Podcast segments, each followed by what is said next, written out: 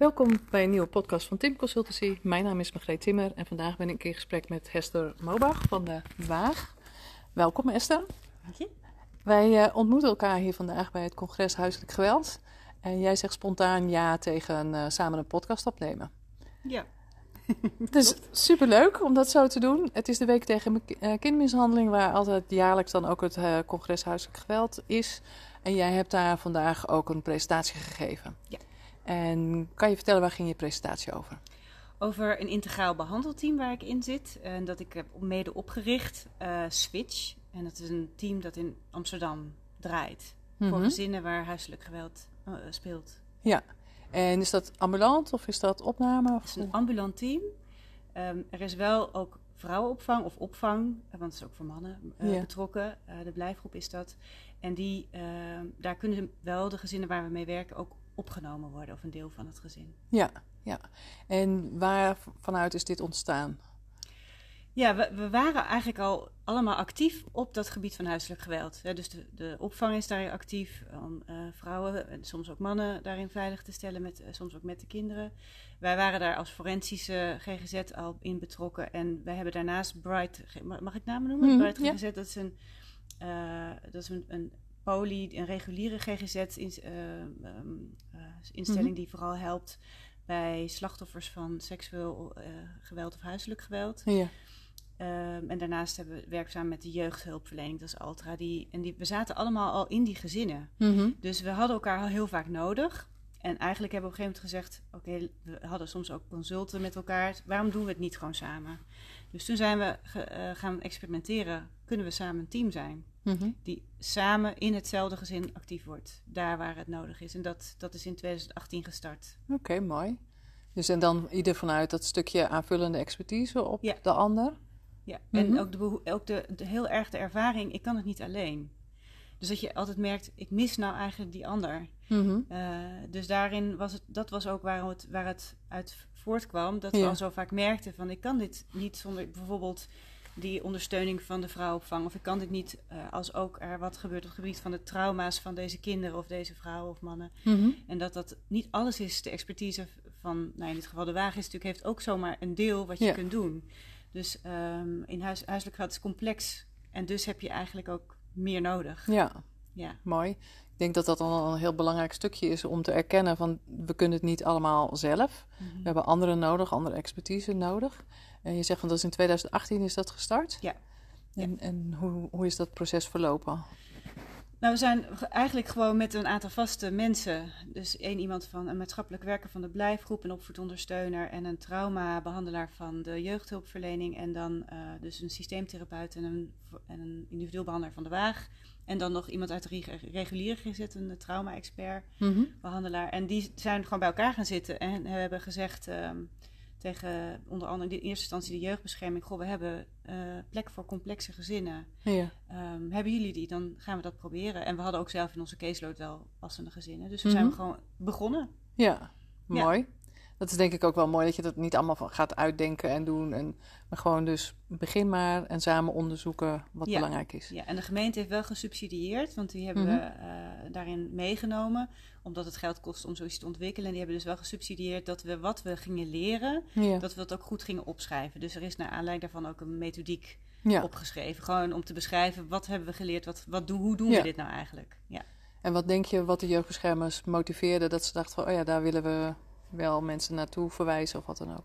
Nou, omdat zij zelf ook vaak natuurlijk te maken hebben met een gezin waar de hulpvraag divers is. Mhm. En dat ze dan moeten werken met, goh, heeft die instelling plek? Oh, die heeft een wachtlijst van maanden. Oh, maar en moeder Ja. moet eigenlijk daarheen, maar die heeft kan ze nu terecht. Maar oh, de kinderen kunnen. uh, dus hoe? Dan is het niet gematcht. Mhm. Um, dus het voordeel bij ons is dat we geen wachtlijsten uh, hanteren. Dus we starten allemaal, we doen de analyse in één keer, of de, Ja. de, de intakes. En dat helpt wel. En Ja, dat, je dan, dat is uh, mooi. Ja, Ja, precies. dus, dat is voor hun interessant. Ja, Ja. en voor het gezin natuurlijk ook een belangrijke meerwaarde dat ze allemaal met hun eigen stukje kunnen beginnen en niet op elkaar hoeven te wachten. Of dan is de een bezig en de ander nog niet. Of, uh, Ja, ja, Ja. ja. dus je, je kunt, we hebben, dat is denk ik wat het voordeel is, voor, ook voor het gezin. We, doen, we spreken iedereen, ook de eerste ouders. En als die een hulpvraag kunnen formuleren, dan komen de, ouder, de kinderen komen dan ook meteen in beeld. Mhm. En dan brengen we dat allemaal samen en dan faseren we. Ja. Ja, dus dan kan het zijn dat ik een intake heb gedaan, maar dat dan vervolgens toch wordt gezegd, Ja. er, wordt- er lopen wat mensen langs. ja, precies. Dat is af en toe even ertussendoor. Ehm, maar ehm, dat kan zijn dat toch iemand zegt, nou Hester, ik snap dat jij die partnerrelatietherapie als systeemtherapeut heel graag wilt bieden. Mhm. Maar deze mensen kunnen in hun window, niet, kunnen totaal niet in hun window blijven als ze samen zijn. Dus Ja. dat gaan we, je moet even wachten. Ja. En dat is dus het voordeel dat je samen dan dat afstemt. En dat je dus bereid moet zijn om dan te zeggen, oké, dan doe ik even een stapje terug. ja, precies. Dan eerst een ander stukje wat eerst aangepakt moet worden. Waar mensen eerst mee bezig moeten Ja. voordat ze weer toe zijn aan dat volgende stuk. Mooi. Ja. Ja. En de gezinnen die eh, doorverwezen werden, hadden die ook zin in zo'n nieuw iets? Heel wisselend is dat. Ja. Er zijn gezinnen die heel blij zijn. Die, eh, hè, dat zijn zeker de gezinnen soms die al bijvoorbeeld bij de waag zijn en merken... mijn kinderen, ik wil mijn kinderen ook dat die ook gezien worden... en dan Mhm. in switch komen, heel opgelucht zijn dat dat gebeurt. ja. Ehm, dat zijn de gezinnen die het heel graag willen. Maar we hebben ook wel gezinnen die dus echt komen vanuit een dwangka, echt een OTS... Mhm. eh, vanuit de jeugdbescherming echt moeten. En waar we soms wel zien dat zeker ook als, het, als er sprake is van dwingende controle... bijvoorbeeld dat Ja. de vaders in dit geval meestal dan heel moeilijk in zorg krijgen. Mhm. En dan is dus de. En vaak zitten die vrouwen dan in de opvang of gaan in, onze, in ons Ja. traject naar de opvang. En dat, dan zie je dat het heel lastig blijft om iedereen in het bootje, in het behandelbootje Mhm. te houden. Omdat er vaak toch één ouder daar echt heel ontevreden over is. Ja, Die wil niet dat, het, dat, die, hè, dat die partner naar de opvang gaat. nee, precies. Die wil eh, dat bij elkaar houden om daar ja, die controle dus op te houden. Ja, dus Mhm. dan mm, is het heel hard werken. En soms lukt dat dus. Het is ook wel eens niet gelukt om dan iedereen eh, Mhm. echt, echt goed te blijven zien en horen op de manier dat diegene dat zelf zou willen. Ja, Dus die Ja. gezinnen zijn wat minder tevreden, of tenminste een deel van die gezinnen. Mhm. ja. ja, precies. Ja. En wat, wat is het belangrijkste dat het jou opgeleverd heeft om op deze manier met die organisatie samen te werken?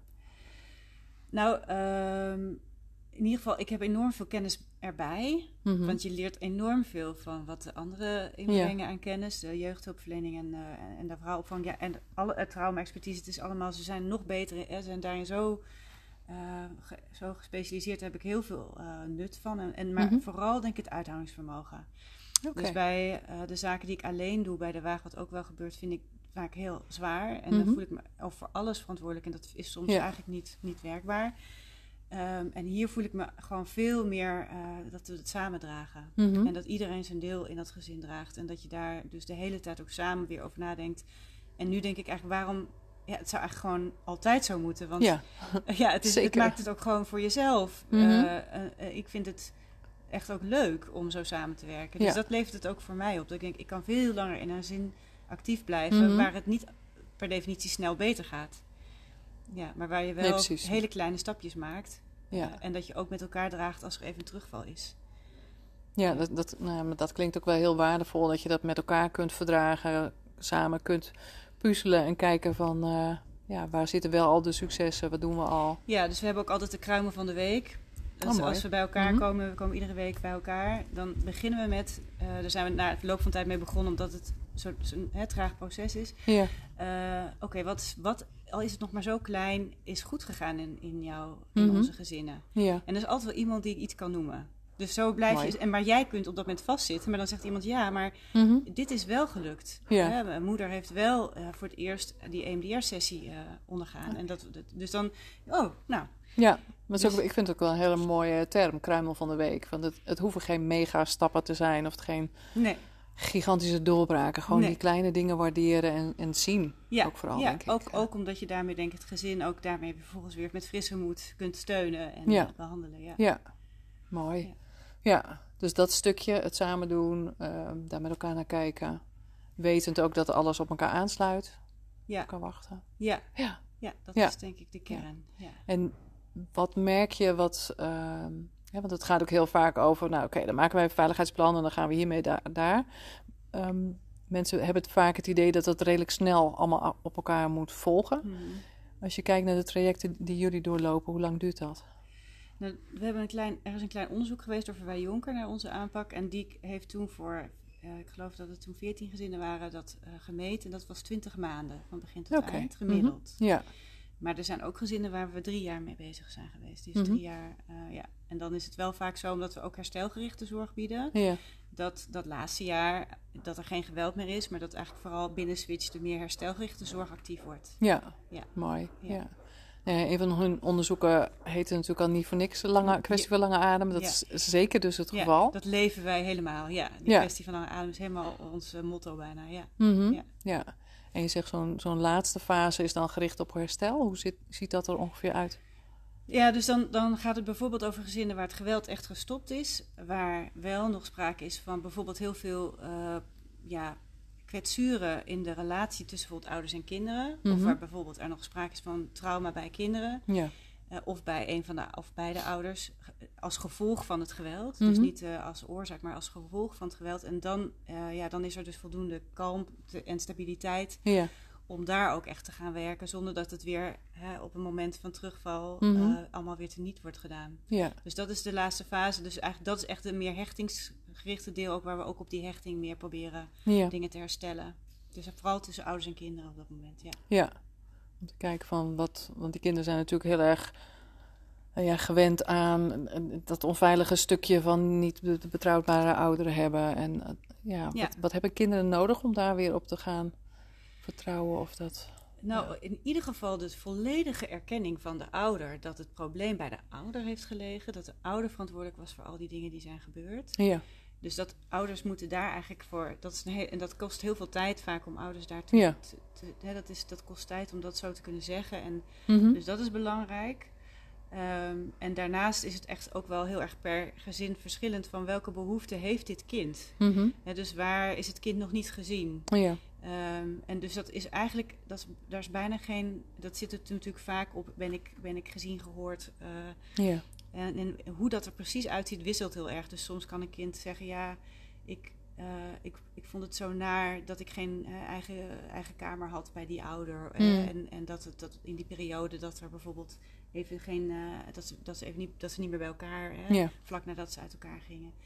Dus um, dat zijn soms dingen die je zelf nog helemaal niet zo verwacht, maar waar dan zit natuurlijk een heleboel onder. En, en dat, daar gaan dan die gesprekken over. Van goh, hoe kwam dat dan? En ja. wat was toen de reden daarvoor? En dat de ouder dat dan helemaal gaat uitleggen. Maar dat wisselt heel erg per mhm. kind.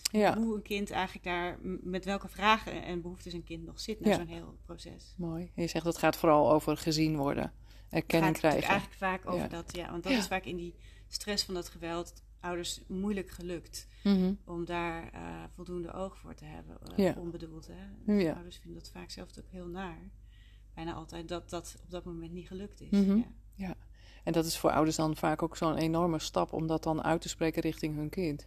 Ja. Uh, het is me niet gelukt. Ja. ja. en daar gaat echt een heel traject aan vooraf, waarin de ouder ook zelf moet ehm, erkenning vaak ook wel nodig heeft voor wat, het, wat de ouder zelf daarin mhm. niet heeft gehad. Of, ja.